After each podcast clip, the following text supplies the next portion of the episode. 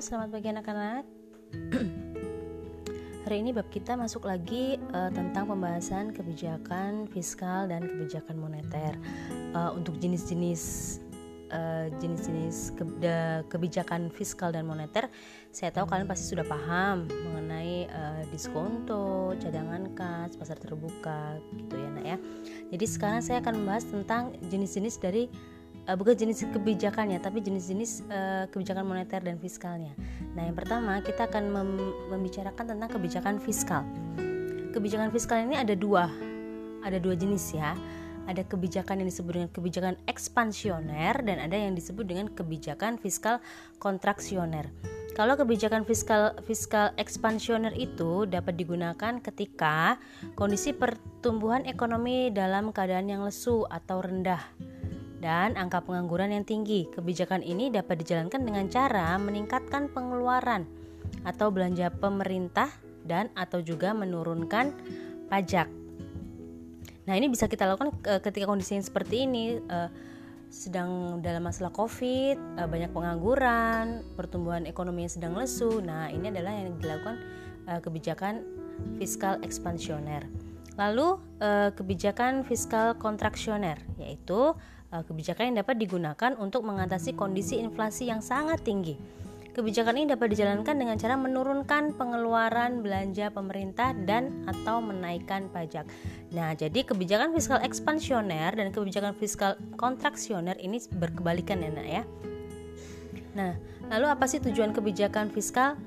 Yaitu mengontrol atau e, mempengaruhi permintaan total dalam perekonomian dengan kata lain, pemerintah dapat menurunkan dan menaikkan pendapatan dan belanja negara dengan tujuan untuk mempengaruhi tinggi rendahnya tingkat pendapatan nasional.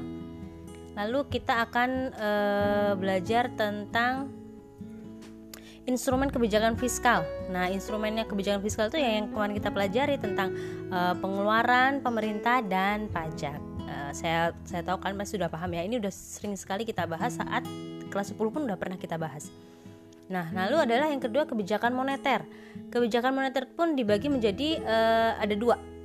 Nah, kalau kebijakan moneter ini sendiri kan di uh, kebijakan dilakukan oleh bank sentral ya, nak ya, dengan tujuan mencapai dan memelihara kestabilan uh, nilai mata uang yang dilakukan antara lain dengan pengendalian jumlah uang yang beredar dan penetapan suhu suku bunga.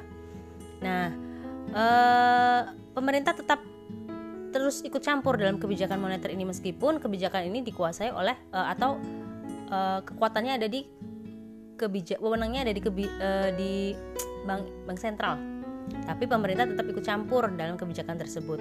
Nah, untuk itu pelaksanaannya kebijakan moneter terbagi menjadi dua, yaitu kebijakan moneter langsung dan kebijakan moneter tidak langsung.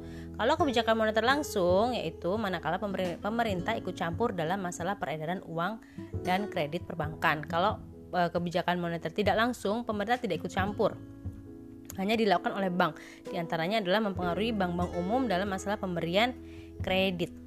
Nah, jenis-jenis uh, kebijakan moneternya.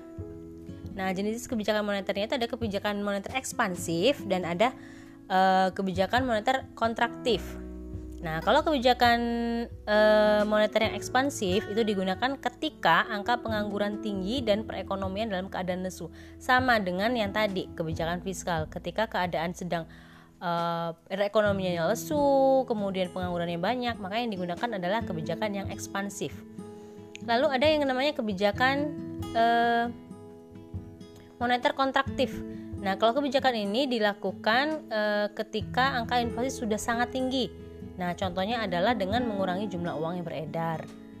Nah, lalu apa sih tujuan kebijakan moneter itu?